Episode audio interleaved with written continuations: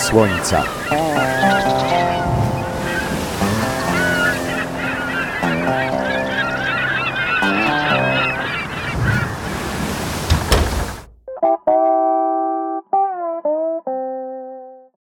Witam wszystkich słuchaczy. Gościem dzisiejszej audycji w stronę Słońca jest Jakub Nowak, szef Babojurskiego Oddziału PTTK i wiceprezes zarządu głównego. Witam serdecznie. Chciałam zacząć rozmowę od takiego pytania, może trochę banalnego. Od czego zaczęła się Twoja przygoda z górami? Pamiętasz swoją pierwszą wędrówkę, tą pierwszą iskrę, kiedy poczułeś, że to jest coś, co chciałbyś robić? Mhm. Czy pierwszą moją w ogóle taką górą zdobytą w dzieciństwie to była Górka Szczęśliwicka w Warszawie. Mało kto wie, że jest coś takiego jak Korona Warszawy, kilka takich kopców, że tak powiem, sztucznie utworzonych, które yy, dają powiedzmy na miastkę gór w stolicy, tak? Yy, ale to w dzieciństwie. Natomiast później już na Żywiecczyźnie mm, okoliczne góry, szczyty coraz dalej, coraz dalej. E, najpierw gdzieś tam rodzinnie, potem też samemu.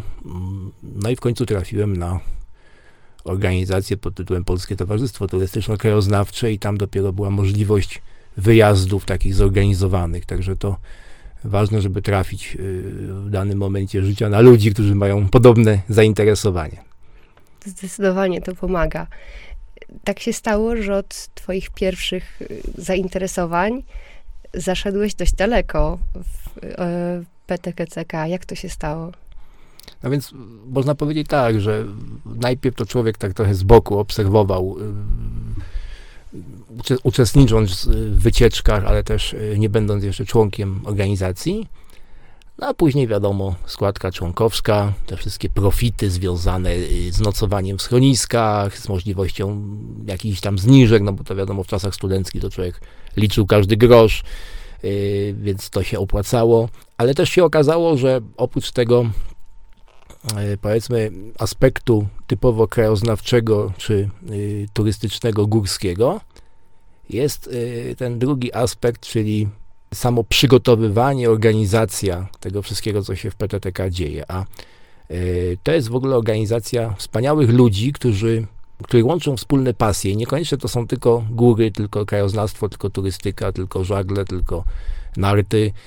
Są również inne, ja to przynajmniej doświadczyłem w oddziale żywieckim, inne e, obszary, w których ci ludzie się spotykają. Jakieś wspólne zabawy, jakieś wspólne kuligi, nie zapusty żywieckie. To było coś takiego, taki trochę lokalny folklor, który też mnie zainspirował, wciągnął.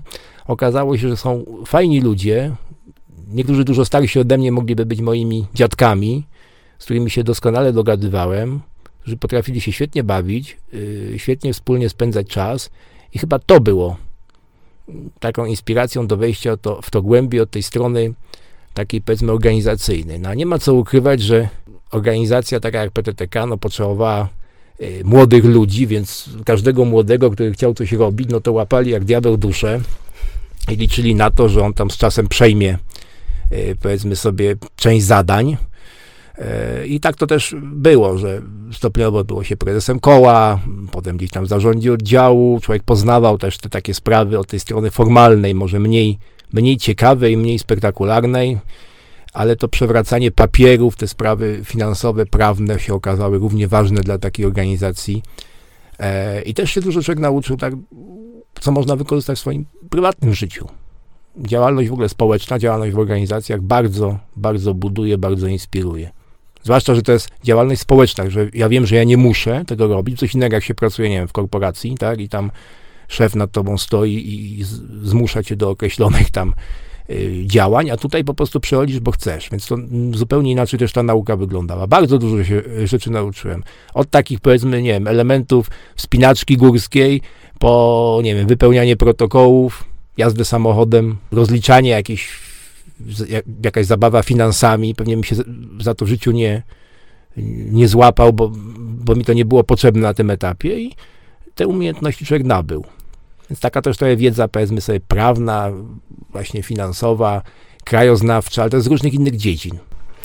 Powiedz, jak długo obserwujesz już PTTK tak od środka? No ja jestem członkiem od 2002 roku. Mhm. Więc jeszcze liczę, że parę lat i dostanę y, odznakę 25 lat w PTTK, bo u nas coś takiego funkcjonuje. więc, więc y, można powiedzieć, ile mamy, no to będzie 18 lat, tak? Jestem pełnoletni w PTTK.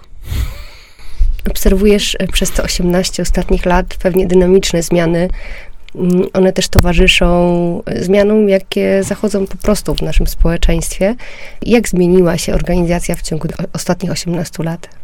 No przede wszystkim bardzo wiele rzeczy się przeniosło, bym powiedział, do świata wirtualnego. Nie mówię tylko o tym ostatnim roku, 20, kiedy z powodu pandemii w ogóle wszystko się zaczęło odbywać zdalnie i okazało się, że no, dla wielu osób to jednak nie było to, że ludzie są bardzo spragnieni takiego bezpośredniego kontaktu, działalności, że ten wirtualny świat to nie jest do czego byśmy się chcieli ograniczyć, ale też przez ostatnie te lata bardzo żeśmy unowocześnili, bym powiedział, taki sposób komunikacji.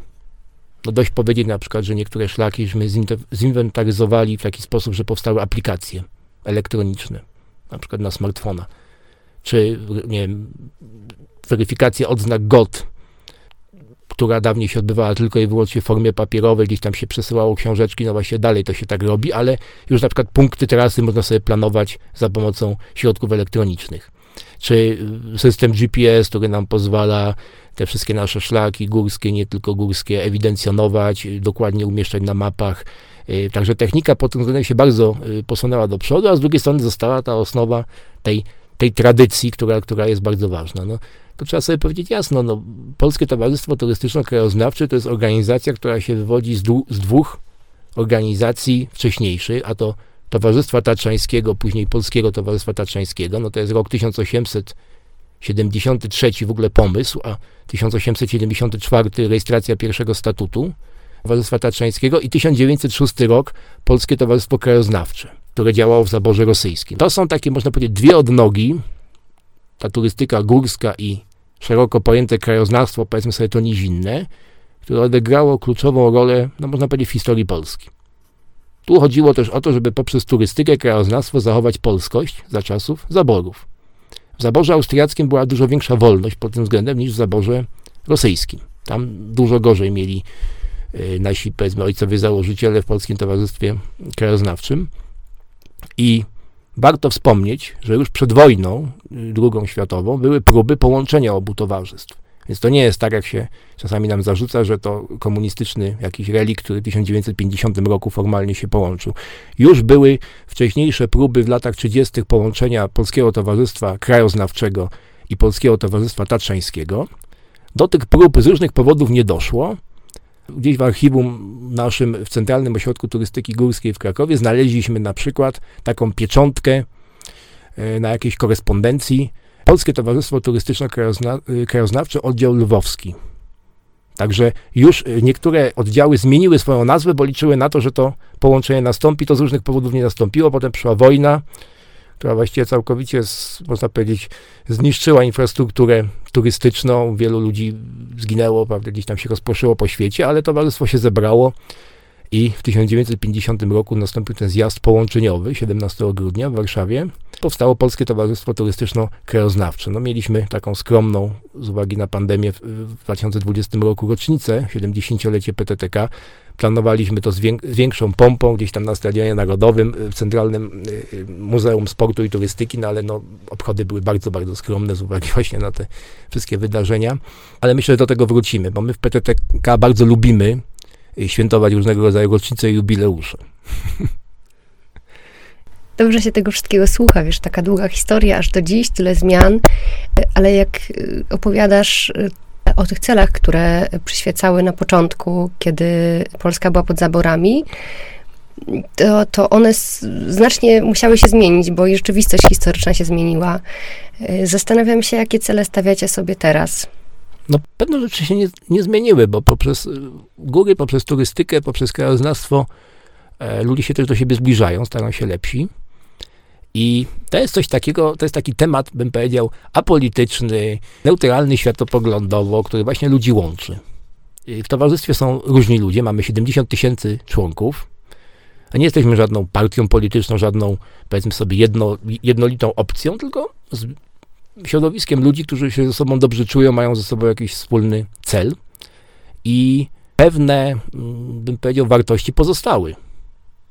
Bo teraz się tak dużo mówi o tych wartościach typu patriotyzm, y, kultura fizyczna, y, rekreacja, sport, zdrowie. No to to jest wszystko to, co właściwie myśmy robili. Można powiedzieć, że myśmy wyprzedzili swoją epokę, bo takie rzeczy, o których się dzisiaj mówi, na przykład ekologia, ekologiczny styl życia, zdrowy styl życia, myśmy to promowali już w wieku XIX w zupełnie innych czasach. Też trzeba sobie powiedzieć jasno, jednym z celów od początku istnienia towarzystwa to była ochrona przyrody.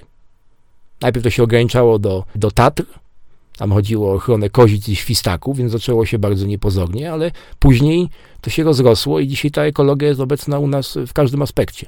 Przecież budowa naszych schronisk, które mamy, szlaki, które kanalizują ruch turystyczny, to jest to wszystko, co ma służyć ochronie środowiska naturalnego, żeby ten ruch turystyczny w jakiś sposób porządkować. Przypuszczam, że gdyby nie schroniska, nie szlaki, no to ludzie by całkowicie góry zadeptali. A tak to w jakiś sposób my ten ruch upłynniamy i nasze obiekty na przykład stanowią, przynajmniej w Karpatach, można powiedzieć taki element sanitanizacji szlaku, czyli odbieramy odpady, odbieramy ścieki, w sposób ekologiczny one są w tej chwili już budowane i prowadzone. Współpracujemy z lasami państwowymi w tym zakresie, z parkami narodowymi, gdzie przecież też mamy nasze szlaki. Więc stanowimy, sądzę, bardzo ważny element również takiej edukacji w tym zakresie, dzieci, młodzieży, w środowisku szkolnym. Nie jest łatwo dzisiaj przekonać młodych ludzi do, do tych rzeczy, które robimy, to trzeba dobrze sprzedać i trzeba w nowoczesny sposób przedstawić. Coś, co było atrakcyjne 20 lat temu dla dzieci, dla młodzieży, już dzisiaj niekoniecznie. Więc nie jest łatwo się z tym przebić, ale nawet ostatnie wydarzenia, ta cała pandemia, gdzie ludzie siedzieli zamknięci w domach, dzieci na nauczaniu zdalnym, też pokazało, że wbrew pozorom ekran komputera czy smartfona to nie jest to, do czego się ludzie chcą ograniczać. A jak można uprawiać turystykę teraz? Bo opowiadasz o tym, że, mhm. że próbujecie działać mimo zamknięcia. Próbuję sobie wyobrazić, jak można działać w takim razie, kiedy nie można wychodzić z domu albo się gromadzić. No jak był ten pierwszy lockdown i rzeczywiście nie można było się poruszać, no to było to utrudnione, ale góry były pełne ludzi z różnych powodów, ale to też pokazało, że ludzie są bardzo spragnieni y, takiej turystyki i ponieważ nie można było wyjeżdżać za granicę, na przykład rok 2020 był absolutnie rekordowy, jeśli chodzi o ilość ludzi na szlakach, to też ma pewnie negatywny wpływ na środowisko, ilość samochodów i tak dalej. No w Tatrach na przykład, to co się działo w lecie, prawda, jak było to takie troszkę zwolnienie, powiedzmy, tej pandemii. Więc turystyka krajowa wraca do łask. Już się znudziła. Hurgada, Tajlandia, ile tam można latać. Wreszcie ludzie odkryli, że również pod nosem mają to, co piękne, fajne i yy, warto to zobaczyć i zwiedzić. Tak naprawdę wielu ludzi po raz pierwszy nie mogło jechać za granicę i na przykład zostało w Polsce. Yy, oczywiście problemem jest na pewno to, żeby zachować bezpieczeństwo, no teraz to mówimy to sanitarne, tak? Nasze obiekty yy, w tej chwili, jak to mówimy, czyli styczeń 2021, no są póki co zamknięte. I tu też jest nasz, nasz problem, ponieważ no, organizacja żyje częściowo z obiektów, którymi, y, które prowadzimy. Masz na myśli schroniska? Schroniska, schroniska, również stanic. Wiele wydarzeń, imprez się przeniosło y, do przestrzeni wirtualnej, oczywiście z ograniczeniami z tego wynikającymi, ale, ale pewne rzeczy się dało zrobić w taki sposób trochę, że tak powiem, online. No nie wszystko, ale, ale, ale staramy się staramy się działać. Na pewno nie zawiesiliśmy działalności zupełnie, tylko po prostu no, zmieniła ona swój charakter i przypuszczam, że ona już taka sama nie będzie po, po tym, jak wrócimy może do normalności, że jednak jakieś wnioski z tego wyciągniemy, to już jest zauważalne. A tylko tak jak mówię, ta część gospodarcza, no to jest coś, co nam spędza sens powiek, no bo też częściowo organizacja, no, no, no z tego się utrzymuje i są ludzie, którzy z tego żyją, z turystyki. Przewodnicy, ci, którzy mają biura obsługi ruchu turystycznego. To rzeczywiście była oczywiście pewna pomoc państwa dla przedsiębiorców, ale to no, nie w takim stopniu pewnie, żeby żeby wszystkich zadowolić i, i, i, tu jest pewien problem taki od strony finansowej, gospodarczej. A jak wygląda struktura dochodów PTTK, czyli co buduje ym, finanse? No, różne rzeczy, ale przede wszystkim y, PTTK mm, prowadzi obiekty, więc tak naprawdę też wynajmuje powierzchnię, dzierżawi, schroniska, stanice wodne, jakieś obiekty noclegowe też w miastach. Wiele oddziałów PTTK, mamy ponad 300 oddziałów, czyli tak naprawdę my jesteśmy organizacją, która posiada jednostki terenowe z osobowością prawną, czyli oddziały. I te oddziały od początku, właściwie od czasu, jak powstawały pierwsze oddziały, już kilka lat po w ogóle rozpoczęciu działalności Towarzystwa Tatrzańskiego, w Czarnochorze, w Kołomyi na przykład były pierwsze oddziały w ogóle na tych kresach wschodnich ówczesnych y, towarzystwa. Y, myśmy byli zawsze silni siłą naszych oddziałów. Wiele z nich prowadzi działalność gospodarczą, właśnie biura obsługi ruchu turystycznego, punkty informacji turystycznej, więc jakby też z tego żyją. No ale sam zarząd główny jakby zarządza też majątkiem stowarzyszenia jako takiego. Więc jest ta część gospodarcza, jest oczywiście ta część typowo turystyczna, krajoznawcza, no i ta część organizacyjna, ta liturgia organizacyjna, która, która powoduje, że w pewnej niezmienionej formie do dzisiaj w naszej organizacji się odbywają różnego rodzaju wybory, władze, zebrania, narady, walne zjazdy. To prawo wewnętrzne, które, które jakby nas też określa, naszą tożsamość, ale które też musi być dostosowane do wciąż bardzo szybko zmieniającego się otoczenia prawnego zewnętrznego. I to jest bolączka wszystkich organizacji, zmieniające się prawo dotyczące chociażby finansów, rachunkowości, y, ochrony danych osobowych, praw autorskich, działalności pożytku publicznego i wolontariacie. To tak wymieniam tylko nagłówki kilku ustaw, które, które my cały czas musimy monitorować, bo też y, wiedza w tym zakresie jest nam niezbędna do funkcjonowania. A my jesteśmy dużą organizacją, więc obserwujemy na przykład tak, taką tendencję w tej chwili. Istnieją takie małe, że tak powiem, prawne, drobne ustroje kanapowe, 5, 6, 7 osobowe. No teraz chyba 7 osób wystarczy, by założyć stowarzyszenie.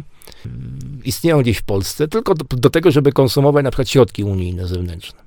Takie stowarzyszenie, jak nie ma na przykład środku, może się zwinąć bardzo łatwo, a potem znowu powstać. My nie, my nie uciekniemy tak szybko, prawda, bo jesteśmy dużym, dużą strukturą, na tyle dużą i skomplikowaną, że w naszej strukturze się nie połapał ani zaborca austriacki, ani rosyjski, ani druga Rzeczpospolita, ani trzecia Rzesza, ani komuna, więc tak się to śmiejemy, że, e, że przetrwaliśmy tyle różnych burz dziejowych dzięki temu, że, że też y, trzymaliśmy się razem y, w pewnej takiej strukturze, która może się wydawała czasem trochę skostniała i niedostosowana do nowych czasów, ale z drugiej strony pewna, powiedzmy, tradycja i jak to się ładnie mówi, dorobek ideowy pozwolił, y, pozwolił nam przetrwać i dostosowywać się do nowej rzeczywistości. Na pewno nie było w historii naszej, a jak się jest organizacją o prawie 150-letniej tradycji, to już można mieć pewien przekrój tego, co się działo, na pewno nie było tak skomplikowanych kwestii związanych z prawem zewnętrznym, które by regulowały działalność organizacji.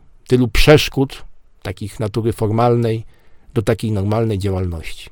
Bardzo jest u nas skomplikowane w kraju prawo w różnego rodzaju aspektach, nie tylko dla przedsiębiorców, ale również dla tych, którzy robią to społecznie, czyli właśnie stowarzyszeń, fundacji.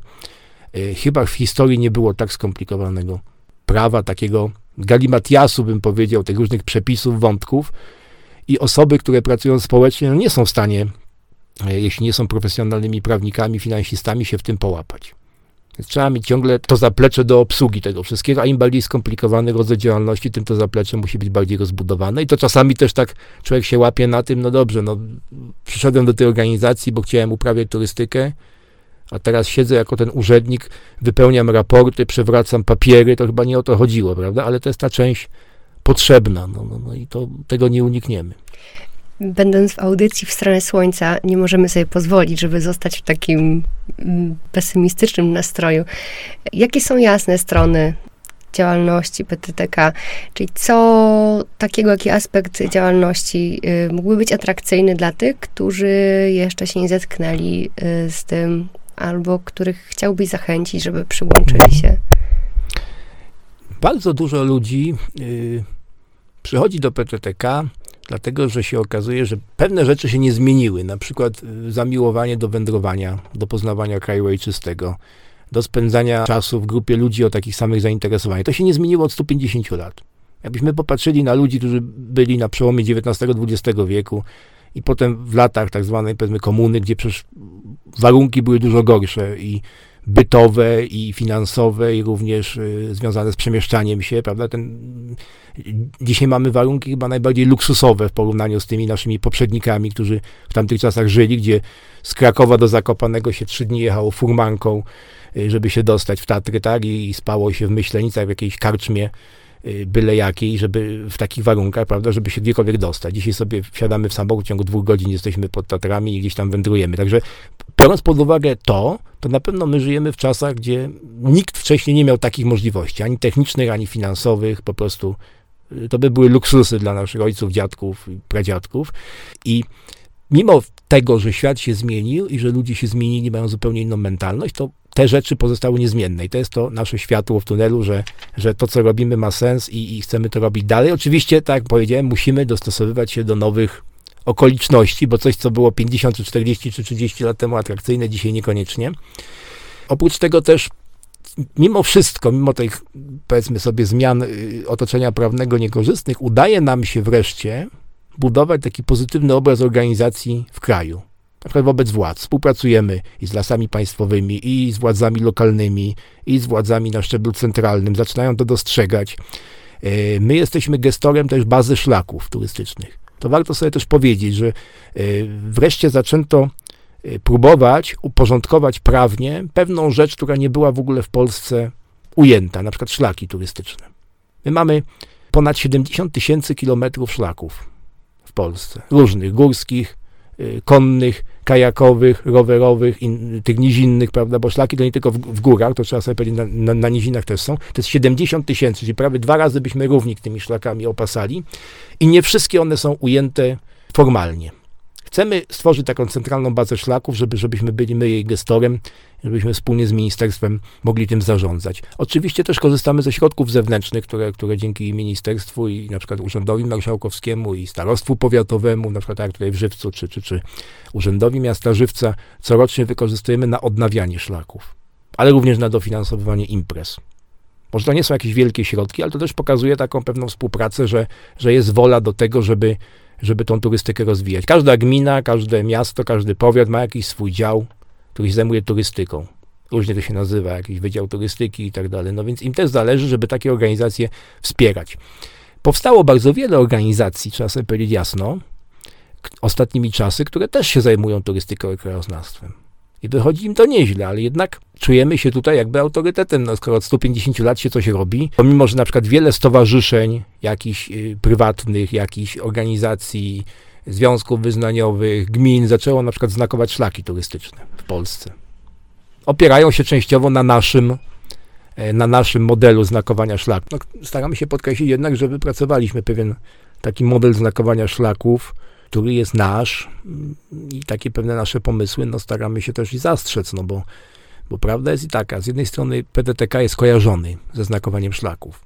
Jeżeli gdziekolwiek powstanie jakiś szlak znakowany nie przez nas, o powiedzmy sobie nikłych walorach estetycznych czy, czy krajoznawczych i cokolwiek się stanie na takim szlaku, no to pretensje są potem do nas. To trzeba sobie też jasno powiedzieć, że to uregulowanie prawne tych rzeczy, o których mówię, ma również fundamentalne znaczenie dla bezpieczeństwa. Ludzie się stali coraz bardziej prawnie świadomi. Jak się komuś coś stanie na szlaku, to tak naprawdę odpowiada właściciel terenu. A kto jest właścicielem terenu? PTTK nie jest właścicielem terenu, bo nasza jest ta tylko farbka na drzewach, czy ten drogowskaz, ale droga idąca w lesie, no to jest albo teren nadleśnictwa, albo prywatny teren.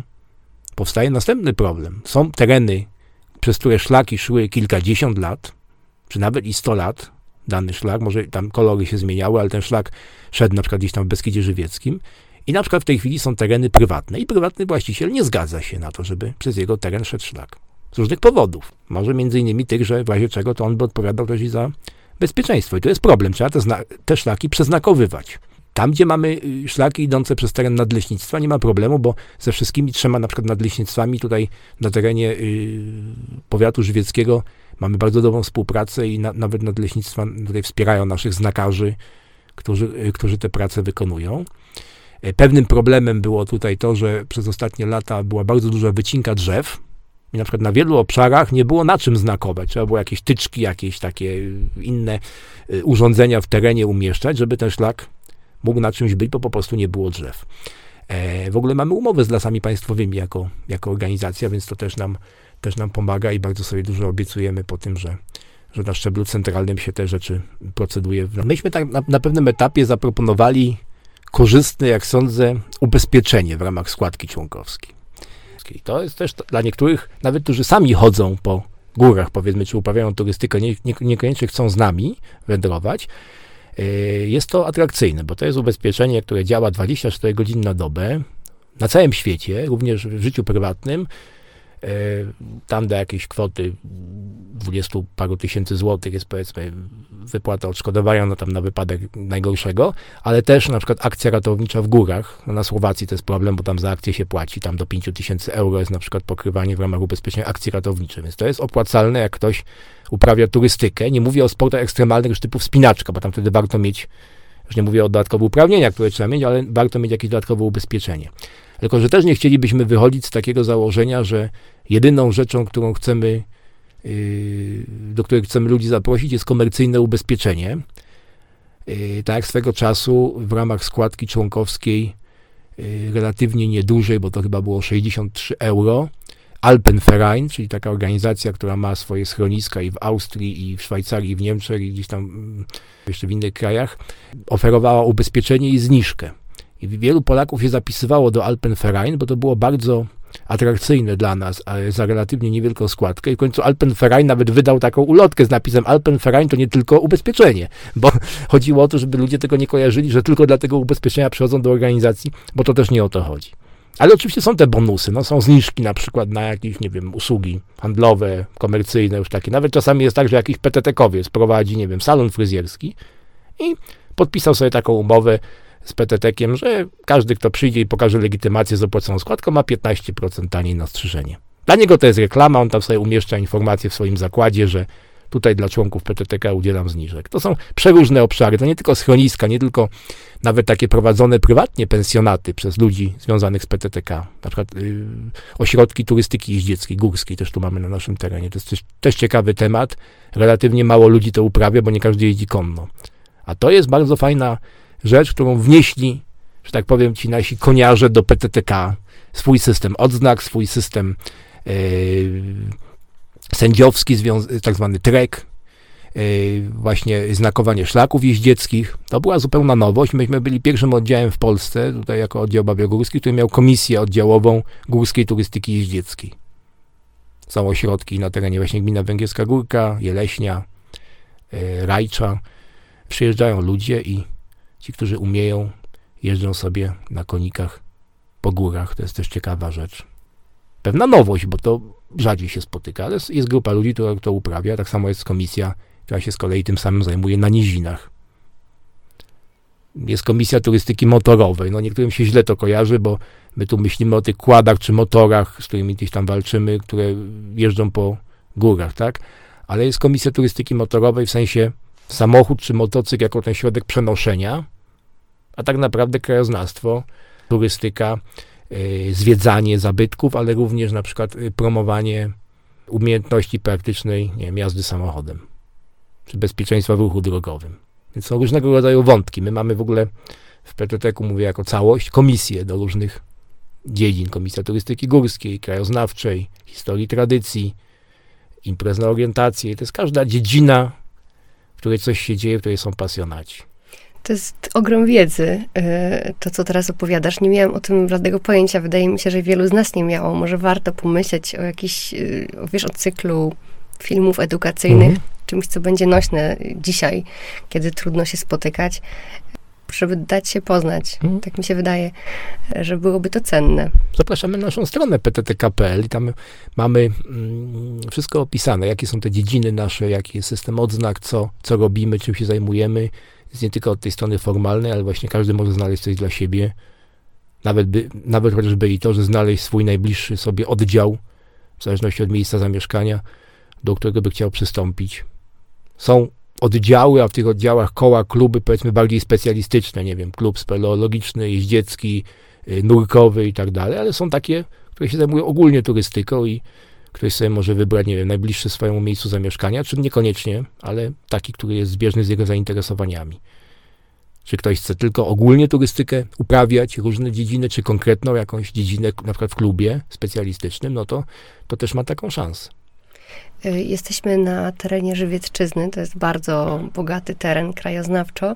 Chciałam cię zapytać, jako prezesa oddziału Babiegórskiego, y, który ze szlaków, który z obszarów tu na Żywiecczyźnie jest najbliższy twojemu sercu? No, na Żywiecczyźnie to chyba, to chyba jednak najbardziej Pilsko. To jest też miejsce bardzo historycznie związane z naszym oddziałem.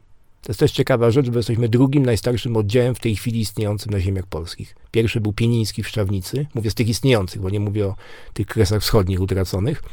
A nasz oddział powstał w 1905 roku, co prawda w Makowie Podhalańskim, za sprawą Hugona Zapałowicza, ojca założyciela, człowieka, który właściwie odkrył turystyczne Babią Górę i był pierwszym prezesem w ogóle oddziału.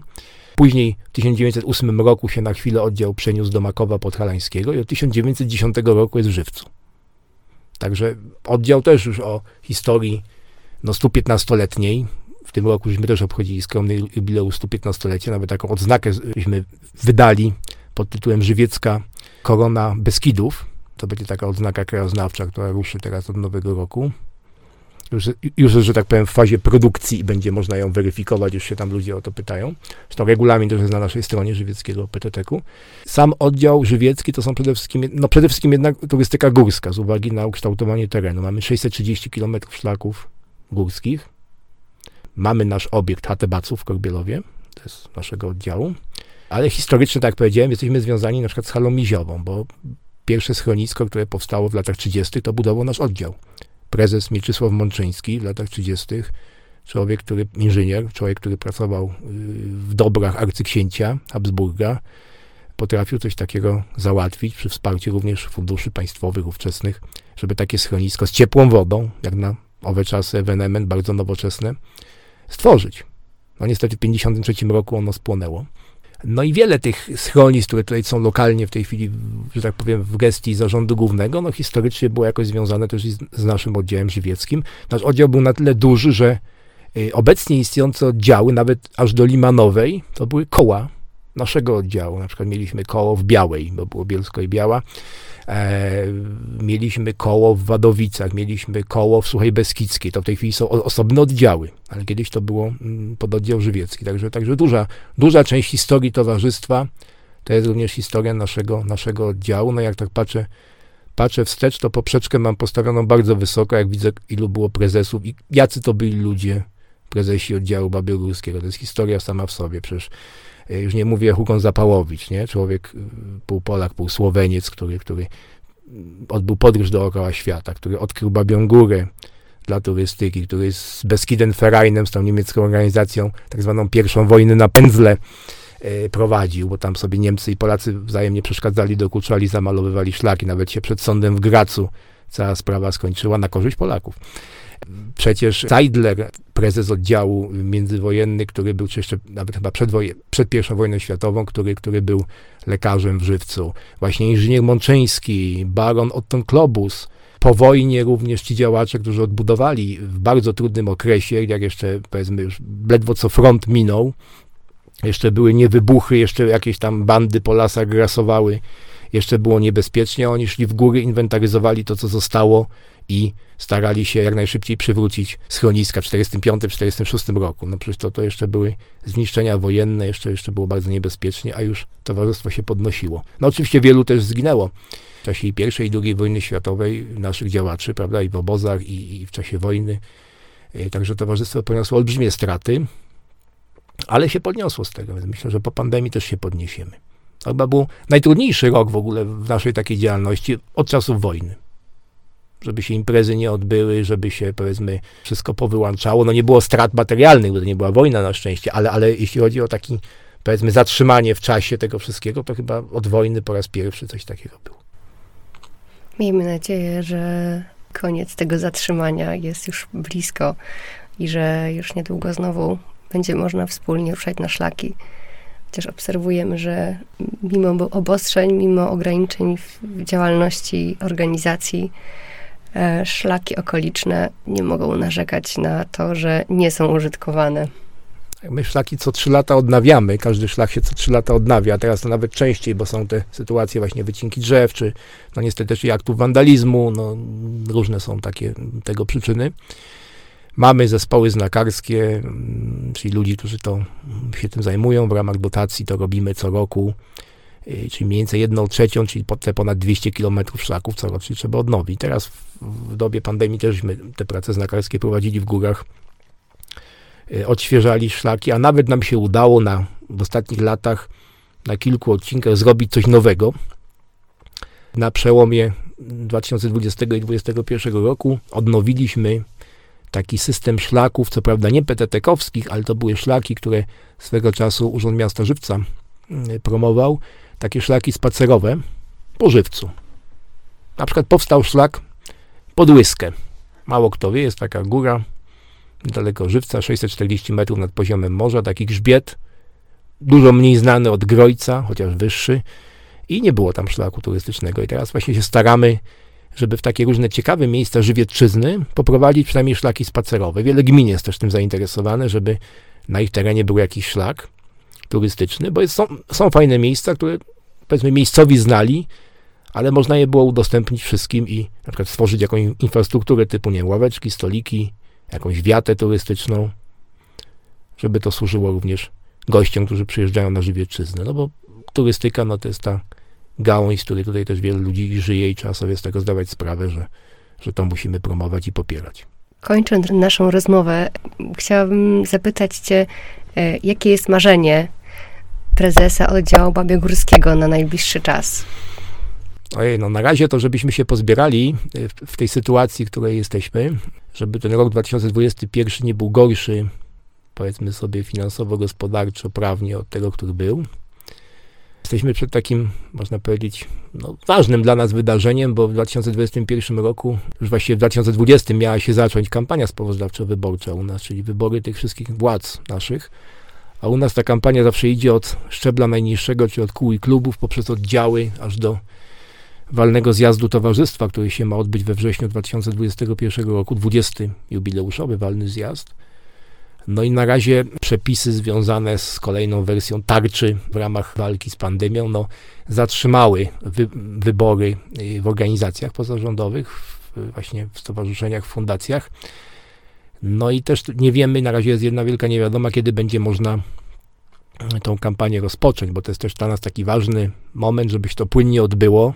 Ta zmiana, powiedzmy, ludzi na stanowisko, no bo wiadomo, że część być może będzie chciała pracować społecznie dalej, być może ktoś nie będzie chciał. Chodzi o to, żeby nie było takiego okresu, że ktoś zrezygnuje, a nie będzie, nie będzie kim zastąpić. To bez królewie w organizacji jest zawsze najbardziej niebezpiecznym momentem i tego byśmy chcieli uniknąć.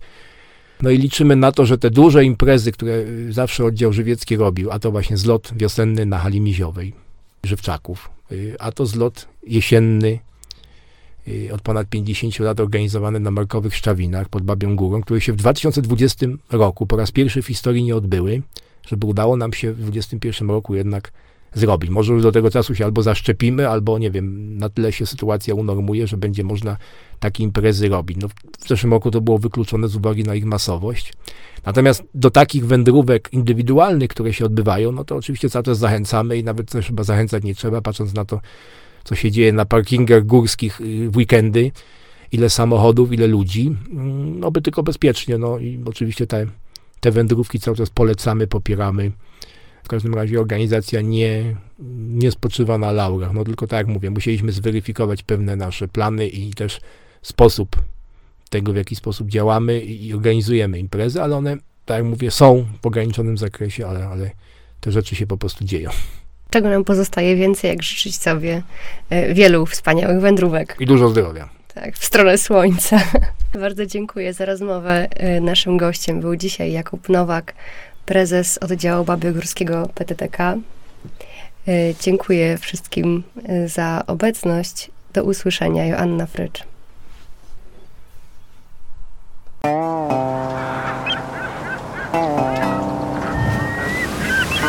stronę Słońca.